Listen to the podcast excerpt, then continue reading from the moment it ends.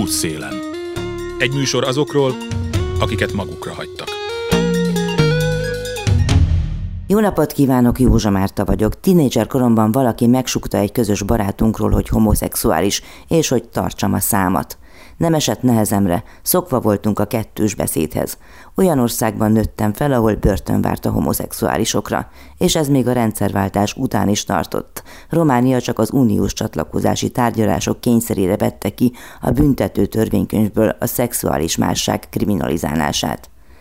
Leggyakrabban azokra vált büntetés, akik egyébként is a megengedettől eltérően gondolkoztak. Számukra életmentő volt a titoktartás. Arról pedig, hogy vannak olyan emberek, akik nem a nekik megfelelő testbe születtek, és emiatt legjobb esetben is különcként többnyire magányosan élték le az életüket, végképp nem is lehetett tudni. A titokhoz való viszonyunkat jól példázza, hogy a köznyelvben az is pejoratív, ha valakiről azt állítjuk, hogy titkolózó.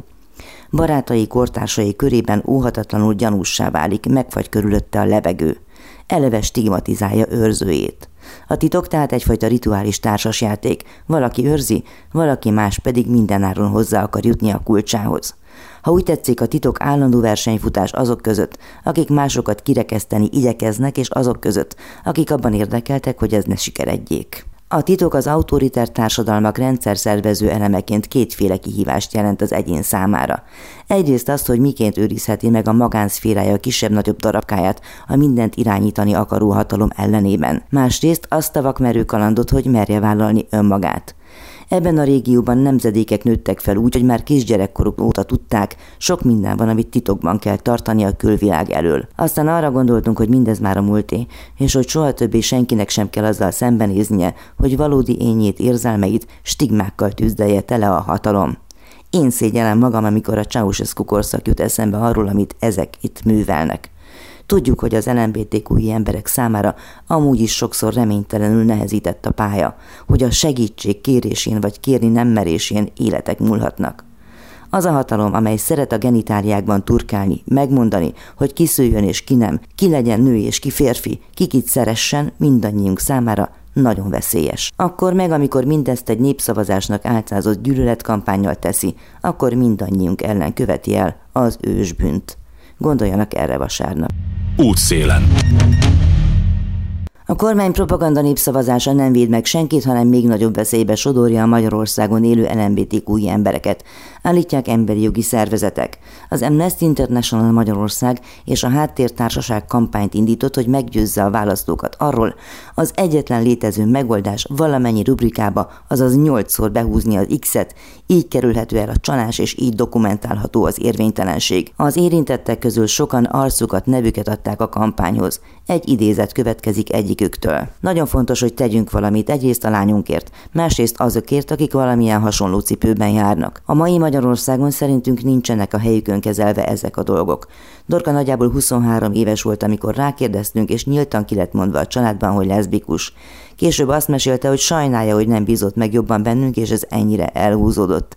Még a konzervatív nagymamája is teljesen jól fogadta, Dorka nem is várt sokat, megkért minket, hogy segítsünk a Eurogames idején a konyhán önkéntesként. A testvérével együtt igen mondtunk, és nagyon jól éreztük magunkat. Azért örültem ennek annyira, mert módon volt megismerni a barátait, azóta minden évben együtt megyünk családilag a Pride-ra.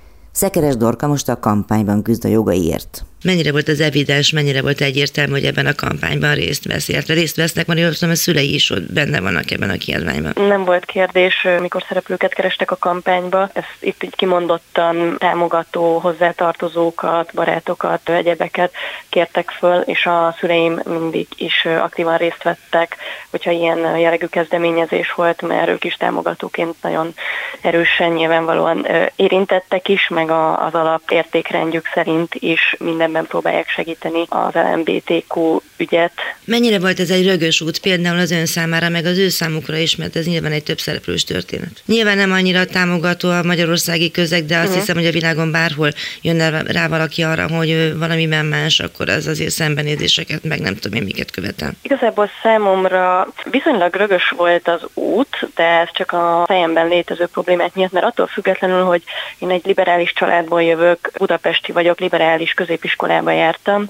Ettől függetlenül nagyon keveset találkoztam a témával, keveset találkoztam más melegekkel, csak hogy így kontextusba tegyük, én most vagyok 32 éves, és azért már így a tinédzser éveim elején már sejtettem, hogy valami van, de annyira megjesztett ennek a gondolata miatt, hogy nem láttam magam előtt semmilyen példát, főleg nem arra nézve pozitív példát, hogy így is teljes értékű állampolgárként lehet élni ebben az országban, hogy évekig nem foglalkoztam bele, és elnyomtam magamban ezt az egész kérdést, aminek persze csomó következménye van az ember mentális egészségére, úgyhogy én is szorongós tinédzser éveken vagyok túl, talán túl sok alkohollal is, ami ennek tudható be, és aztán egészen 19 éves koromig vártam, amíg bárkinek erről elmertem mondani, vagy elmertem magamról mesélni, hogy, hogy mi a helyzet. Még ezek után sem mertem elmondani a szüleimnek, mert egyszerűen a szájukból nem hangzott el soha kimondott a negatív dolog, témával kapcsolatban, de nem volt igazán terítéken a dolog, nem voltak közös ismerősök, és ezért inkább ilyen viccelődések vagy ilyesminek a kapcsán jött csak föl, és én ezért nagyon tartottam attól, hogy nekik mi lesz a hozzáállásuk, és aztán végül, amikor 21 éves lettem, akkor ők kérdeztek rá, ők szedték össze ez a bátorságukat, és kérdeztek rá nálam, hogy mi a helyzet, és akkor voltak meg ezek a nagy beszélgetések, amire emlékszem, hogy főleg a magyar helyzetben nagyon nehéz mondjuk örülni egy ilyen hírnek, és nem azért, mert azt gondolnák, hogy a melegekkel bármi baj van, hanem egyszerűen azért, mert annyira aggódnak egy gyerekért, aki ilyen környezetben kell, hogy éljen, hogy ez az aggódás ez eléggé átjárta ott így a coming out körül időszakot, viszont aztán ebben meg a aktív támogatásra fordult el szerencsére nagyon-nagyon hamar, hogyha így valamilyen felkérés érkezik, ahol mondjuk így szeretnék, hogyha érintett szülők beszélnének a témáról, akkor szívesen vállalnak ilyet, szívesen beszélgetnek más szülőkkel, akik hasonló helyzetben vannak, illetve például a Pride-ra is együtt járunk családilag, a testvéreimmel, a szüleimmel volt, mert hogy a nagymamám is velünk jött, úgyhogy én nagyon szerencsésnek mondhatom magamat ilyen szempontból. Volt egy félmondata, hogy nem tudta, hogy lehet Magyarországon teljes teljes értékű életet élni melegként, hát nem lehet, mert hiszen mondjuk csak gondoljunk az örökbefogadásra, szóval, hogy... Igen, a helyzet nyilván azóta nem javult. Nekem akkoriban ennél is, vagy a saját mostani valóságomnál egy sokkal sötétebb kép élt a fejemben. De igen, ez, ez tény, amit mond, hogy nem lehet teljes értékű állampolgárként élni. Sok szempontból egyáltalán nem is vagyunk így kezelve, ki vagyunk pécézve, és ez az utóbbi években ez ez a helyzet ez csak jelentősen romlott különböző új törvényekkel, meg akár csak a kommunikációs fordulattal, ami a, az utóbbi időszakban, főleg így a kampányt elég erősen meghatározza. Hogy látja, hogy a melegek és általában az LMBTQ közösségnek a média reprezentációja milyen? Tehát most nem a propaganda médiára gondolok, ja. hanem hogy úgy általában megvan az, a, az amit mondjuk Nyugat-Európában ismerünk érzékenyítő történetek, vagy egyszerűen csak reális táblázoló történetek ezeknek az embereknek az életéről? Azt gondolom, hogyha mondjuk első körben a, a tévénél maradva, tudjuk, hogy a magyarok azért rengeteget néznek tévét, főleg mondjuk így az idősebbek. Azt gondolom, hogy így mondjuk a, a magyar tévécsatornákon eléggé mérsékelten jelenik meg, nyilván itt azért csatornánként van eltérés. Ugye ezt is egyre szigorúbb határok közé próbálják beszorítani, hogy egyáltalán ott mit lehessen megjeleníteni. Szerencsére mondjuk főleg azért a fiatalok egyre jobban hozzáférnek külföldi médiatartalmakhoz, akár mondjuk streaming szolgáltatóknak a videós tartalmaihoz, vagy külföldi magazinokhoz már, aki beszél ugye egyáltalán nyelveket, de Magyarországon ebben még rengeteget van mit fejlődni, mert most most ráadásul még tudatosan is vissza van szorítva minden ilyen típusú tartalomnak a megjelenítése. És nem csak a tévé, akár a könyvek és meg a folyóiratok. Most így a könyvek terén ez pont előtérben volt így a, az elmúlt időszakban a pedofil törvénynek a kapcsán bármi olyan gyerekeknek szóló tartalom, amiben egyáltalán csak megjelennek LMBTQ karakterek, azt el kell dugni a könyves polcoknak egy hátsó sarkába. Minden eszköz meg van ragadva arra, hogy véletlenül se találkozzon senki ilyesmivel. Mit jósol? Mi lesz a népszavazás után, vagy eredmény eredménye is mi lesz utána? Azt gondolom, hogy a kormány a jó szokásához híven, mert amennyiben kormányon maradnak, akkor nagy sikerekről fog beszámolni. Most ugye, amire mindenkit buzdítunk, az az érvénytelenül szavazás, úgyhogy emellett remekül lehet majd elmondani, hogy hány százalék szavazott igennel, ezzel szemben hány százalék szavazott nemmel. Semmi nagy meglepetésre nem számítok, érdembeli változásra meg egyáltalán nem, mert nincs is erre most így tér. De majd egyszer. De majd egyszer reméljük a legjobbakat, igen útszélen. Ismét idézettel kezdem. Olyan, mintha a múlt próbálna meg visszamarni a jövőben, miközben a fiatalok már mindenkit és mindenhogy elfogadnak. A fiataloknak teljesen egyértelmű, hogy elfogadás van. A múlt pedig beköszön, és azt mondja, hogy ugye emlékeztek, milyen volt, amikor még gyűlölködtünk. Még akad olyan, aki erre fogékony, de a fiatalok már nem szeretnek gyűlölködni. A gémes fivérek közül Bruno transzexuális, heteroszexuális testvérével nem csak a családjuk, barátaik és céljaik is közösek. Ez úgy kezdődött, hogy a Szabad Nem blogon megjelent egy beszélgetés velem a 444-en, és azt követően indult be, hogy több kampányba is így meghívást kaptam, hogy segítsem ezt az ügyet, és mivel érintett vagyok, így mindenhol igen mondtam. Ugye az Amnestivel kezdődött ez a népszavazási kezdeményezés kapcsán, a másik pedig a Transvanilla megkeresett, ott pedig egy hasonló, de inkább a trans emberek munkavállalásával témával kapcsolatos az a kampány. És hogy került bele ebbe a kampányba? Hát én, mint támogató családtag, aki szintén érintett vagyok. Igazából az LMBTQ közösségnek, meg főleg most ugye a megkülönböztetésébe a testvéremen keresztül. Mennyire lehet hatékony ez a kampány? Kiket lehet ezekről meggyőzni, kiket és hogyan lehet meggyőzni? Egyáltalán tudják -e az emberek, hogy miről van szó, és miért jó az, hogyha össze-vissza x mind a nyolc rubrikát? Szerintem pont egyébként ez a lényeg, hogy az emberek többnyire nem is tudják, hogy mi ennek az egésznek a lényege, ennek a törvénynek, meg ennek a népszavazásnak mind a mellett, hogy mondjuk már ez egy eldöntött kérdés. Ezt, hogyha valakinek kifejti az ember, hogy milyen hatása van ennek, és hogy miről szól ez az egész, akkor sokan egyébként megdöbbennek, és visszahőkölnek, hogy hó, hát ők ezt nem így tudták. Szóval szerintem igazából csak nézőpont kérdése is, hogyha valaki elmagyarázza ezt a nézőpontot, akkor utána ezzel sokkal könnyebb azonosulni. Nagyon félelmetesek az elmúlt évek? Igen, nekem kicsit könnyebb dolgom van, de a legtöbb sorstársamnak sokkal nehezebb a helyzete. Meg szabad kérdezni, mitől könnyebb? Attól mitől könnyebb, egyáltalán könnyebb. Attól könnyebb nekem, hogy hivatalosan meg tudtam változtatni a nevem, ami az élet minden szempontjából megkönnyíti a hétköznapjaimat. Mások nem tudnak egy egyszerű bankkártyás fizetést egy boltban elintézni, mert férfiként néznek ki, és egy női bankkártyával próbálnak fizetni, és ugye ez technikailag nem annyira működik. Arnoldhoz visszacsatolva, szerintem azért is fontos, hogy ezt eljutassuk, mert tényleg nagyon kevesen hallottak egyáltalán arról, hogy április 3-án nem csak választás lesz, hanem népszavazás is, és nem mindenki tudja, hogy miről. És egy kedves ismerősöm is most keresett meg tegnap, hogy miért kell érvénytelenül szavazni, és így fel kellett hívnom figyelmét, hogy nem a választáson kell érvénytelenül szavazni, hanem a népszavazáson. Igen, szerintem is nagyon-nagyon homály uralkodik ebben. Egy támogató családtag mit tud azért tenni, hogy felhívja az embereknek a figyelmét? Azért kérdezem ezt így, mert hogy tulajdonképpen akkor valószínűleg el kell mindent mesélni Ádámtól és Évától, hogy azért vagyok itt, mhm. azért csinálom ezt, azért fontos nekem, mert feltételezem, hogy úgy egyébként se zárkozna el az ilyesfajta támogatástól, hogyha nem volna a család érintettség. Én is így érzem magam, hogy nem csak Bruno támogatom, hanem az egész közösséget, meg leginkább is minden embert, akit elnyomnak csak azért, mert felvállalja önmagát.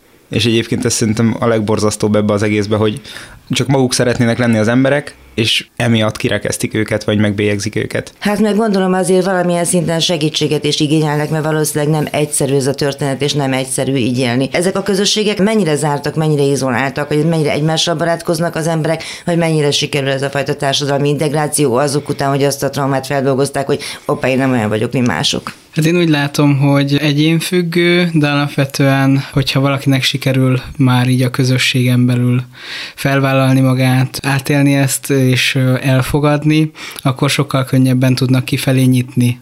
És ugye ez ugye a világban egészen szépen fejlődött ez a folyamat és ez az elfogadás azok részéről is, akik mondjuk nem érintettek ebben a témában, és ugye ez a legnagyobb probléma most Magyarországon, hogy ezt a, a természetes fejlődést totálisan meggátolták, és még sikerült a visszájára fordítani.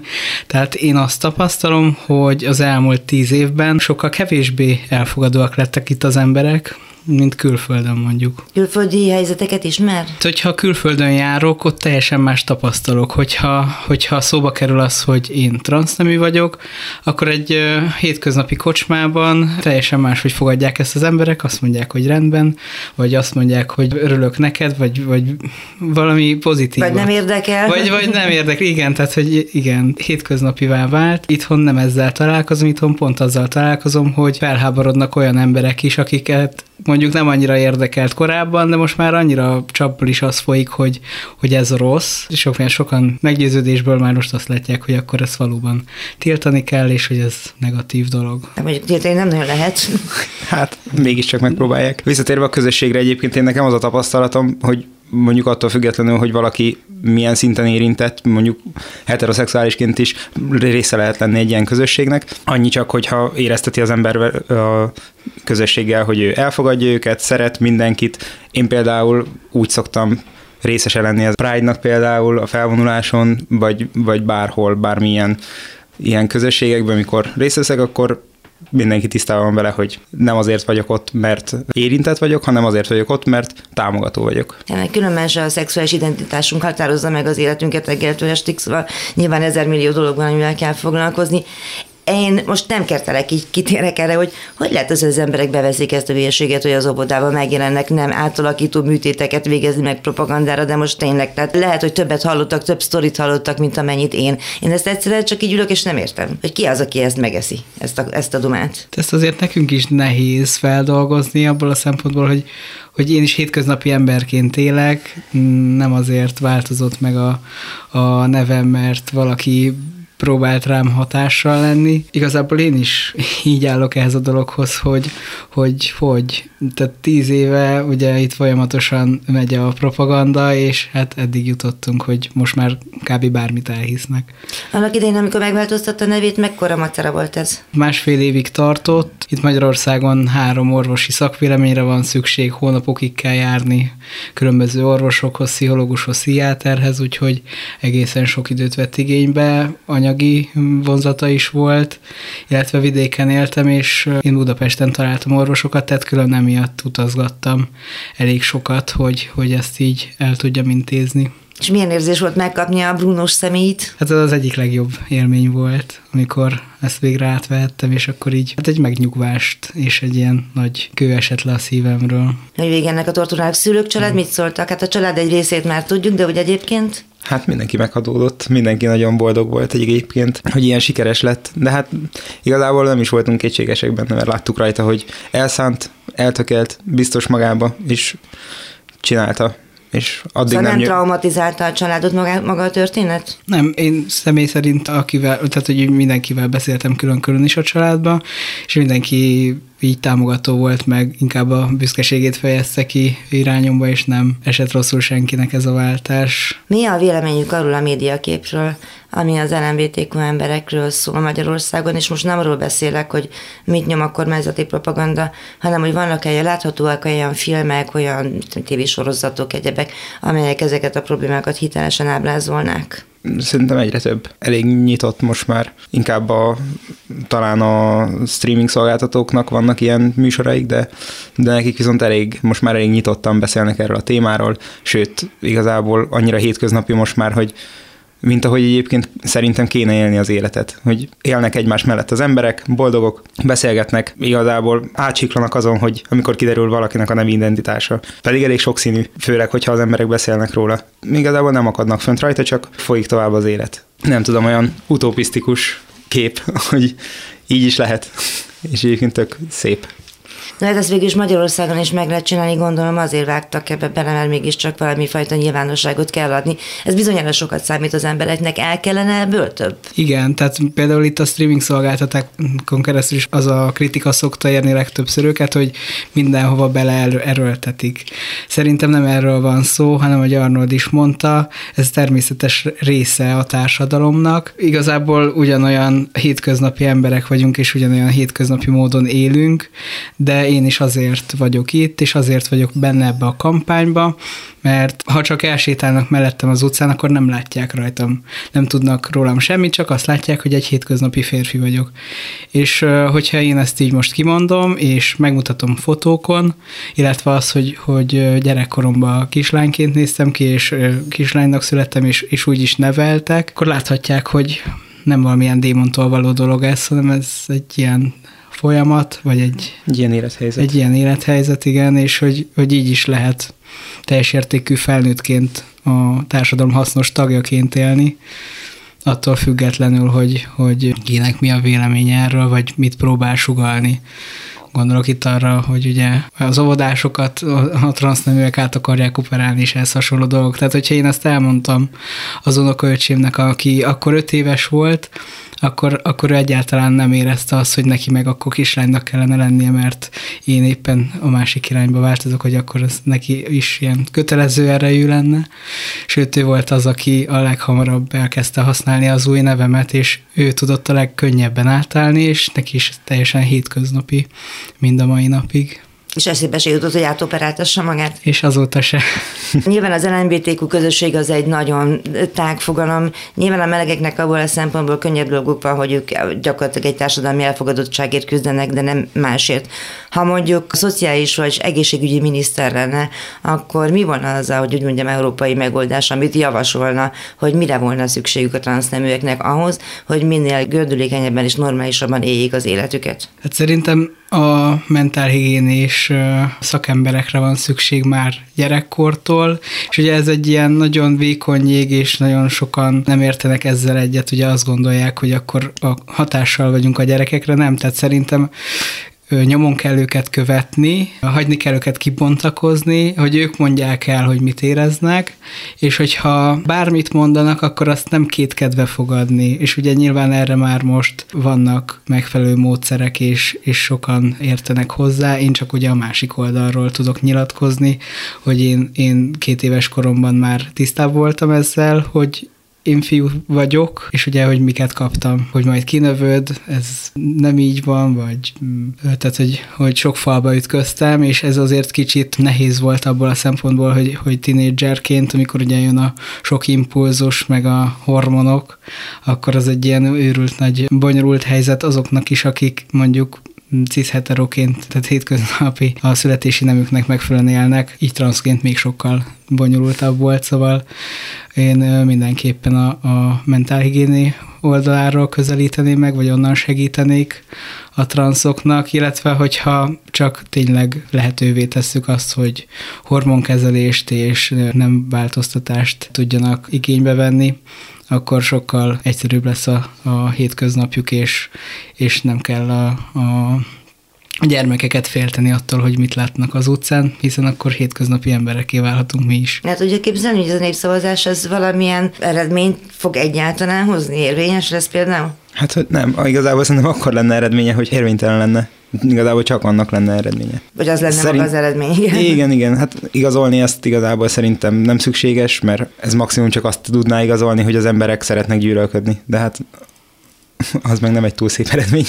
Az érvénytelen népszavazás mellett érvelt saját történetével Szekeres Dorka, aki leszbikusként a szüleivel együtt küzd a szexuális kisebbségek kirekesztése ellen, és a gémes testvérpár, a transznemű Bruno és az őt mindenben támogató Arnold hogy miért fontos érvénytelenül szavaznunk, azaz minden rubrikába behúznunk az X-eket, a transzexuális gyerekét nevelő Dérmonika és Valdi Duda Dániel érvelnek, ő LMBTQ aktivista és vállaltan homoszexuális. A hírek után. Útszélen. Józsa Márta vagyok, továbbra is az a téma, hogy miért fontos, hogy érvénytelen kérdésre érvénytelen választ adjunk a vasárnapi választásokkal egybekötött népszavazáson. Újabb idézet, fontos lenne, hogy Magyarországon is felvállalható legyen a másság. Nagyon zavaró úgy élni, hogy egyfolytában lavírozni kell. Még nekem is felnőttként, nem hogy tinédzserként.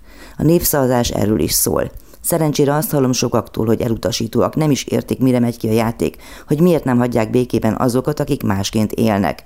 Erős félelem van bennem, hogy milyen élete lesz itt. Szoktunk erről beszélgetni. Elég tudatosan készülünk arra, hogy el tudjon menni, ha úgy hozza az élet.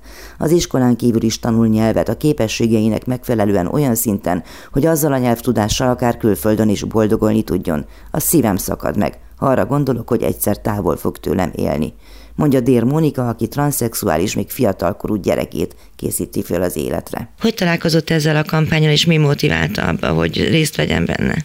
A kampányjal úgy találkoztam, hogy tagja vagyok egy LMBTQ szülői hozzátartozói csoportnak, és ott keresett meg a Amnesty International-nek a ügyvivője, hogy a háttértársaság csinál egy ilyen kampányt az Amnesty-vel karöltve, és megkérdezték, hogy részt vennék-e ebbe, vagy szeretnék-e, vagy tudnék-e, vagy szívesen adnám-e a történetünket, az arcunkat.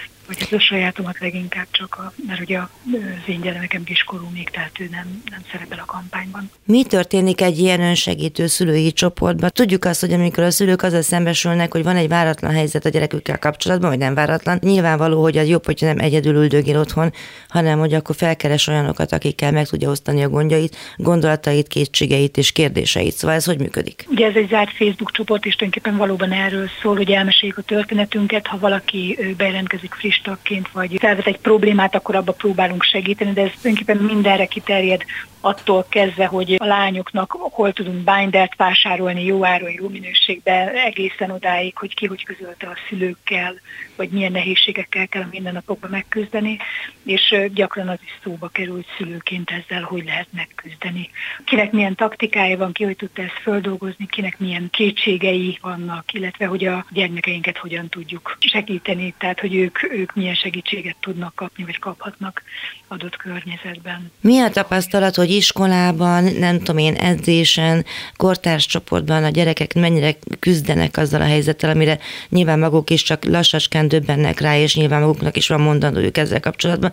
Szóval, hogy hogy látja, ő, különösen ők vidéken élnek, tehát, hogy nem tudnak elveszni a nagy fővárosi forgatagban. Pont ma került egyébként szóba, hogy az én, az én lányom így mondom még most is, de tehát mi történetünk az, hogy ő, ő lánytestben fiúnak érzi magát, de tulajdonképpen évekig néptáncolt, és nem is rosszul állítólag elég jó mozgása volt, de miután ez kiderült, nekem akkor se esett, hogy nem érzi jól már magát néptánc közben, jött eléggé nőies a, a ruházat, eléggé feszülősek a blúzok, hogy látszódjon a testtartás, és aztán tulajdonképpen még ott küzdött egy három-négy hónapig a coming out után, hogy úgy mondjam, de például az ő iskolatársai, osztálytársai, néptáncos csoporttársai nem tudunk róla, hogy tudnának arról, hogy, a, hogy az én gyerekem hogy érzi magát, vagy minek érzi magát. De biztos, hogy nem könnyű, tehát itt valóban nem lehet elveszni a tömegbe. Elég kritikus is pont ez a korosztály, és nem is mindig jól fogalmazzák meg a véleményüket, hogy élhetően vagy kedvesen, tehát hogy, hogy eléggé szélsőséges megnyilvánulások lehetnek mi még nem szembesültünk ezzel, hál' Isten. Azzal viszont szembesültek, hogy hát gyakorlatilag éppenséggel, hogy a transz emberek azok és gyerekek és fiatalok és mindenki, akik elsőként tapasztaltak olyasfajta intézkedéseket, ami a későbbiekben rettentően meg tudja nehezíteni az életüket, és ez a mostani, hát elég érdekes népszavazás, hogy nem tudok, most nem akarok más szót mondani, ez is gyakorlatilag elég célzottan ellenük irányul, ezt hogy élték meg? Én azt gondolom, hogy ez a transzfóbia, vagy egyáltalán a másság elleni hergelés, gerjesztés itt Magyarországon nem friss történetet. Tényleg azt látjuk, évek óta mindig van egy kiszemelt ellenség. Most éppen a, a LMBTQI közösség, de mi viszonylag tudatosan készülünk arra a gyerekemmel, hogy nem itt fog élni. Nem csak nem békés Csabán, de azt kell mondjam, hogy még csak nem is Magyarországon. Az lenne a legfontosabb abban, hogy ne ítéljen, hogy egy olyan közegben legyen, ahol sokkal elfogadóbbak, vagy pedig ennek a gyakorlati részlet teszem, az például a névváltás. Az elfogadás rengeteget jelentene, tehát ha nem kéne azon gondolkodni, hogy ha ez kiderül, akkor vajon mit fognak gondolni, akár a szűkebb, akár a tágabb környezetünk. A baráti társaságunknak egy jelentős része gondolom, hogy elfogadó, illetve tudom, hogy elfogadó, tehát van, akivel erről már beszéltem, de idősek a nagyszülők, ők nem tudják, és nem is vagyok biztos abban, hogy akarnám úgymond a kapcsolatunkat terhelni ezzel. Tehát nem, nem akarunk ebből konfliktust, pláne nem olyan jellegűt, ami a családi köteléknek a fölbomlásával járhat. És maga a gyerek hogy dolgozza fel, mennyire és kitől tud segítséget kapni? Nagyon jó a kapcsolatunk, ezt le kell kopogjam. Addig is jó volt, de úgy gondolom, hogy ő úgy érzi, hogy számíthat rám, és bocsássa meg, ha ez nagyképűen hangzik. Sajnos korosztályos csoporttal nem nagyon találkoztunk, bár voltak próbálkozásaink, de itt vidéken nagyon nem vállalják ezt föl emberek, én úgy látom, még ha van is milyen jellegű másság a családban. Tehát neki nyilván ebből a szempontból nem könnyű, nincs akivel át tudja mindennapi dolgait beszélni.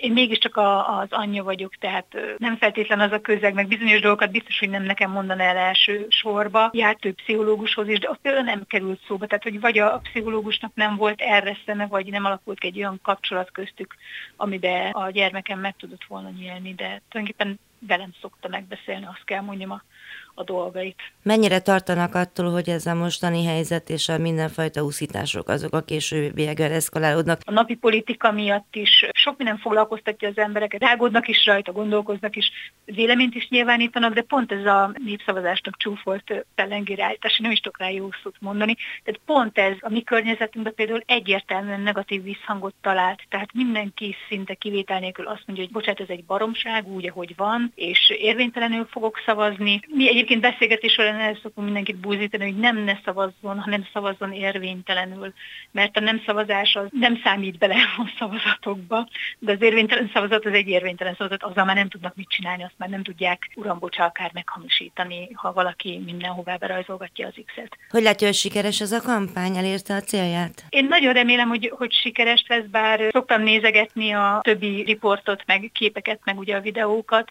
és nagyon sok esetben nagyon negatív hozzászólásokat látok, bántó, mert olyan dolgokról mondanak az emberek véleményt, ami, amiről fogalmuk nincs.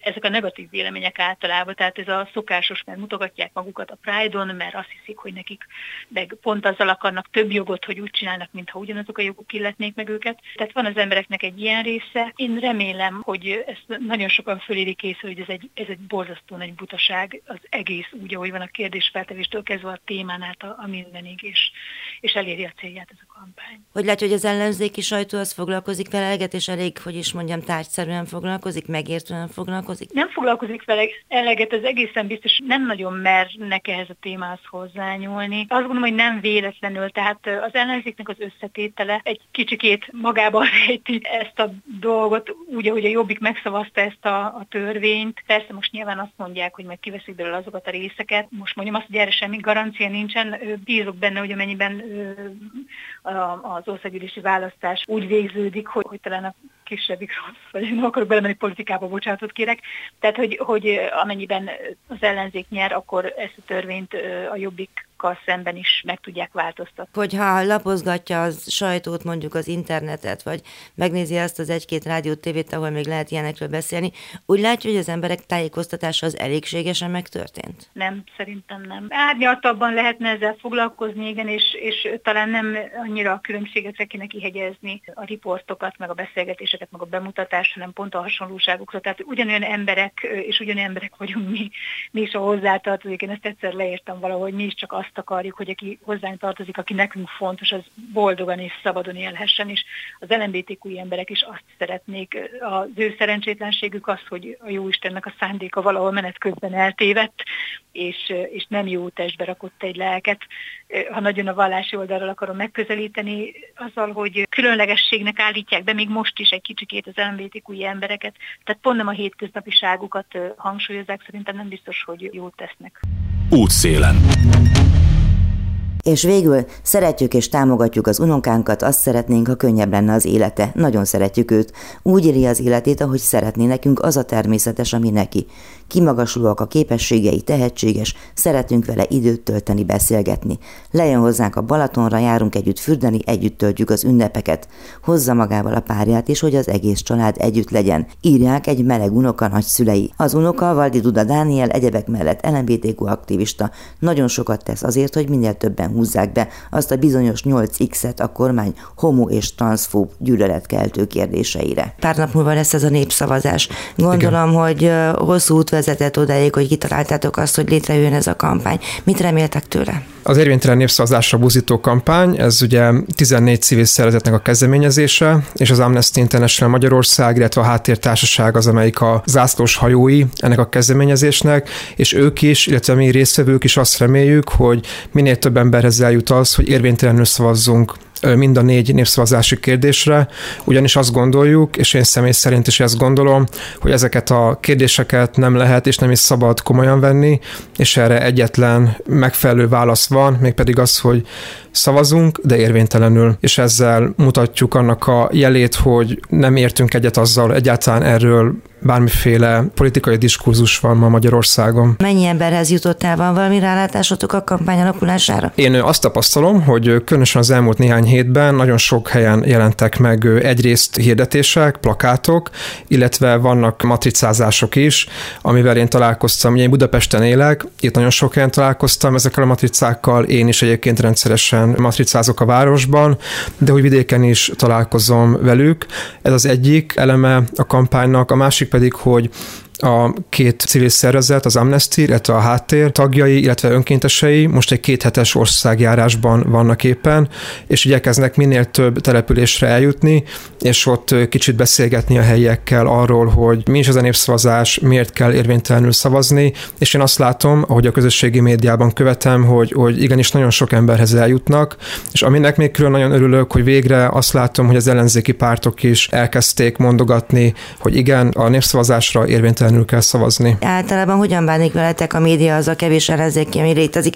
Elmondják-e értelmesen, elmondható-e értelmesen ezeken a helyeken az, hogy mi várható, mi történik? Az ellenzéki média az egyetért azzal, hogy érvénytelenül kell szavazni mind a négy népszavazási kérdésre. Azt is látom, hogy magára az országgyűlési választásra sokkal nagyobb hangsúly helyeződik, sokkal többet foglalkozik vele az ellenzéki média is. Azt is látom, hogy az ellenzéki média egyébként az LMBTQ közösséggel, amelynek meleg férfi férfiként én is tagja vagyok, abszolút együttműködő, nyitott ránk, kíváncsi ránk, szeretne megismerni, illetve megérteni minket, de ahogy említettem, a, a Rivalda fény az országgyűlési választásé, ami én úgy gondolom, hogy rendben van, de azért nagyon fontos, hogy igenis mellette jusson hely és idő arra, hogy egy kicsit a népszavazásról is beszéljünk, legalább annyira, amire most itt is a klubrádióban lehetőség van, hogy elmondhassuk, hogy, hogy arra kérjük a választókat, hogy érvénytelenül szavazzanak mind a négy kérdésre, azaz mind a négy kérdés esetén húzzák be az igen igen és a nem rublikát is. Igen, ezt nem mert elégszer hangsúlyozni, hogy az érvénytelen szavazás nem azonos például azzal, hogy fölveszed a lapot és utána megeszed, vagy kidobod, vagy lerajzolod,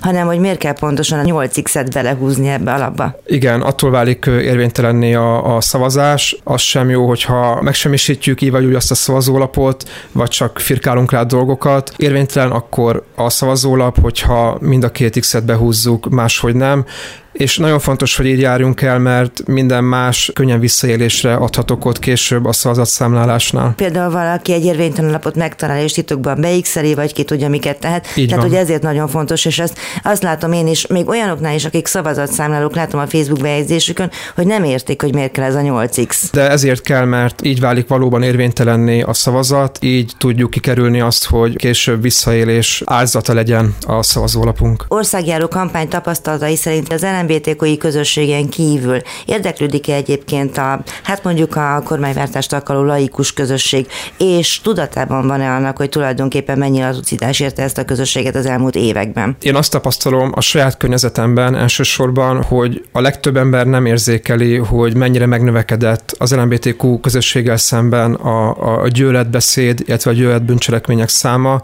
Nagyon kevés emberhez jut el valójában. Ugye annyi minden történik, akár Magyarországon, akár akár a, a, a világunkban, gondolok itt az elmúlt két évben a Covid-ra, most ugye az Ukrajna elleni orosz invázió, azért azt tapasztalja az átlagember, hogy sokkal több negatív figyelem összpontosul ránk. Az uszításnak mi vagyunk az egyik célpontja a kormánypártok részéről, és én egyébként a saját életemben ezt inkább a közösségi médiában tapasztalom, hogy a kapcsolódó témájú hírek esetében például jóval megszaporodtak a, a negatív, meg trollkodó kommenteknek a, a száma, mint amilyen volt mondjuk három-négy évvel ezelőtt. Most csak egy példát mondjak, én magam is szerkesztője vagyok egy LMBTQ magazinnak, amely egyrészt nyomtatott, másrészt online magazin is, és azt látjuk, hogy még mielőtt a kormány elkezdte ezt a homofób és transzfób propagandát tolni, előtte mondjuk egy-egy bejegyzésünk alatt volt egy, maximum kettő negatív komment. Mióta mi lettünk a céltáblája a kormány uszításának, azóta ezek a kommentek meg sokszorozottak. Van olyan, hogy 10-15 negatív komment van, uszító komment van egy bejegyzésünk alatt. De lehet, hogy egy kicsit segít az, hogy a zaj egy kicsit nagyon másút, és hogy elviszi erről a dologról. A fókusz gondolom nem így tervezte a kormány is, de az legyen az ő bajuk. Igen, azt is tapasztaljuk egyébként, hogy, hogy nagyon sokan nem is nagyon tudják, hogy egyáltalán lesz népszavazás, vagy hogy miről kell egyáltalán szavazni, mik a kérdések. Ez is abszolút tapasztalatú az ellenzéki szavazók oldaláról is, én úgy látom. Ugye nekem nagyszüleim vesznek részt a civil szereteteknek a kampányában. Eredetileg ő nekik is nagyon felületes benyomásuk volt arról, hogy, hogy miről is szól ez a népszavazás, pedig ők napi hírfogyasztók, akár a klubrádiót is hallgatják napi szinten, alapvetően ellenzéki médiát fogyasztanak, de különösen az első hetekben, mikor elindult a kampány, viszonylag kevés információjuk volt róla, hogy egyáltalán lesz népszavazás, és mik a kérdései. Változó dolgokat látok, ahogy jövök, megyek az országba, például a Dunakanyarba döbbentem rá a hétvégén, hogy ott lelopkodták egymás tábláit a pártok, és maradtak csak a népszavazások oh. plakátok, ami nem túlságosan szerencsés, de nem. annyiban talán igen, hogy senkit sem érdekelt, hogy ellopja. Ha már említetted a nagyszülőket, és voltak éppen ez egy nagyon, hát hogy mondjam, nagyon bátor történet, vagyok bátor történetnek érzékelik azt, hogy belálltak ebbe a kartmába, és elmondták, hogy ez az én unokám, és így szeretem? Nagyon érdekes, mert én jobban izgultam értük, illetve az ő részvételükért, mint amennyire ők saját magukért. Én telefonon kerestem meg ezzel kapcsolatban a nagyszüleimet, ők nem Budapesten élnek, hanem vidéken, és nagymamámmal beszéltem először, és ő gyakorlatilag gondolkodás nélkül igen mondott arra, hogy részt vegyenek ebben a kampányban, úgyhogy vállalják a nevüket, az arcukat és a gondolataikat, és még ugyanaznap később a nagypapámmal is beszéltem, egyébként ő úszni volt délelőtt, mikor mamát hívtam, de délután, mikor őt is visszahívtam, akkor ő is gyakorlatilag gondolkodás nélkül igent mondott.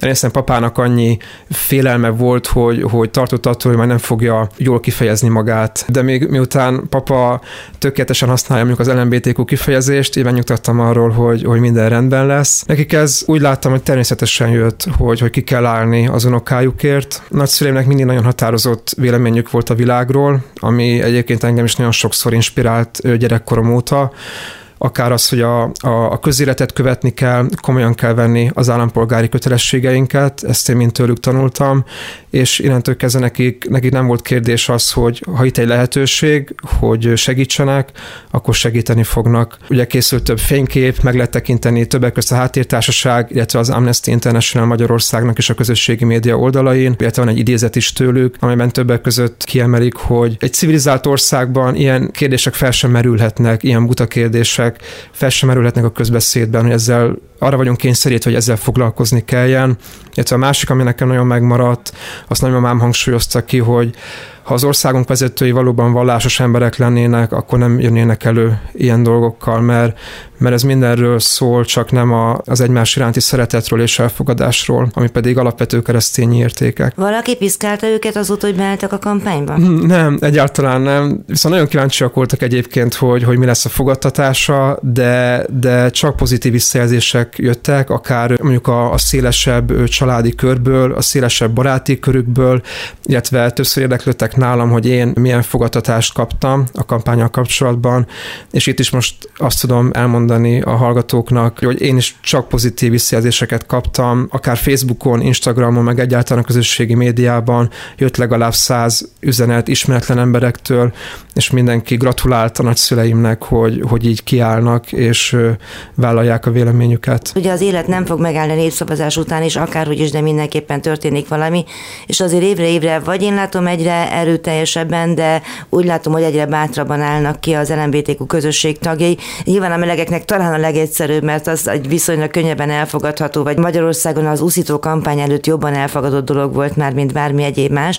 Szokott lenni előbújás napja, meg mindenféle Igen. egyéb, ami ugye a coming out-nak a talán magyarított kifejezése. Igen. Hogyan lehet arra bátorítani az embereket ezek között a körülmények között, hogy a politika céltáblájába kerültek, hogy fütyüljenek rá, és merik vállalni, úgy tudom, hogy elég korán coming out voltál annak idején. Igen, én személy szerint én kb. 15 éves voltam, amikor barátoknak előbújtam melegként, családnak pedig ilyen 19 éves koromtól kb. 24 éves koromig tartott, ez egy hosszabb folyamat volt, több lépcsőben. Az én életemben az nyújtotta a megoldást, hogy mindig nagyon határozottan felvállaltam, hogy ki vagyok, nem rejtettem véka alá. Ez nem is jelenti azt, hogy, hogy erről szól minden beszélgetésem, mondjuk kollégákkal vagy, vagy ismeretlen emberekkel. Most más téma van az életben, miért kéne erről beszélni reggel? Így van, így van. De nekem már nagyon természetes dolog az, hogyha mondjuk tényleg mondjuk egy ismeretlennel szóba kerülnek mondjuk az ilyen mindennapi dolgok, akkor mondjuk nem rejtem végig alá, hogy az én párom egy fiú, most már másfél éve, és én azt látom, hogy az ember minél nagyobb természetességgel kezeli ezt, jó esetben annál természetesebb is a fogadtatása ennek, de azzal is tisztában vagyok, hogy egyáltalán nem mindenki van, van ilyen helyzetben, de én azt tudom javasolni, hogy aki maga is meleg, leszbikus, biszexuális, transznemű, egy ilyen fokozatossággal merjen beszélni önmagáról, merjen felvállalni önmagát, meg kell tudni válogatni, hogy, hogy kinek mondjuk el, hogy nekünk mi a szexuális orientációnk, vagy nem identitásunk, de ha szépen lassan haladunk előre, és van legalább egy-két ember, akivel meg tudjuk osztani ezt, ami, ami eleinte, ha egyedül vagyunk vele, akkor nagyon nagy teher tud lenni, de valakivel meg tudjuk osztani, akkor egyre könnyebbé válik az egész, és egyre könnyebben tudunk beszélni róla. Ami pedig a választás utáni időszakot illeti, arról pedig én személyes véleményemet tudom elmondani, az pedig az, hogy én azt gondolom, hogy mi most fel vagyunk használva politikailag a kormánypárt oldaláról, aktivizálni kell a szavazókat, éberen kell őket tartani, folyamatosan az állandó harc illúziójában kell őket tartani. Most ugye éppen az LMBTQ közösség ellen zajlik ez a, ez a, ez a fantáziavilágban meghirdetett harc, mint de ha nem lenne elég reális probléma. Így van, így van. Amíg gyakorlatilag ott vannak az órunk előtt nap, mint nap, megyünk a boltba, elmegyünk tankolni, stb. stb. De hogy én azt gondolom, hogy, hogy csökkenni fog ezzel kapcsolatos kommunikáció és uszítás, akár egyik, akár másik oldal győz április harmadikán. Lengyelországgal szoktak gyakran párhuzamot vonni ilyen homo és transzfób uszítással kapcsolatban, és ott is azt láttuk, hogy az előző választás után szinte teljesen megszűnt a homo és transzfób politikai oldal részéről a közösséggel való foglalkozás, ott is egyszerűen csak egy eszköz volt a kezükben. A műsor első felében az érvénytelen népszavazás mellett érvelt saját történetével Szekeres Dorka, aki leszbikusként a szüleivel együtt küzd a szexuális kisebbségek kirekesztése ellen, majd a gémes testvérpár, a transznemű Bruno és az őt mindenben támogató Arnold mondták el tapasztalataikat. Hogy miért fontos érvénytelenül szavaznunk, azaz minden rubrikába behúznunk az X-et, arról a transzexuális gyereket nevelő Dér Monika, majd Valdi Duda Dániel vállaltan meleg LMBTQ aktivista beszélt a második részben. Valamennyiük értékes gondolatait köszönöm. Az adás elkészítésében Rózsahegyi Gábor technikus volt a segítségemre. Visszahallgathatják a www.clubradio.hu oldalon és a podcast felületeinken. Ne feledjék, nagyon sokan vannak, akik csak itt a Klubrádióban mondhatják el a történetüket. Támogassák a szabad hangot. Várom Önöket a jövő héten is. Józsa Mártát hallották. Önök az útszélen adását hallották a Klubrádióban.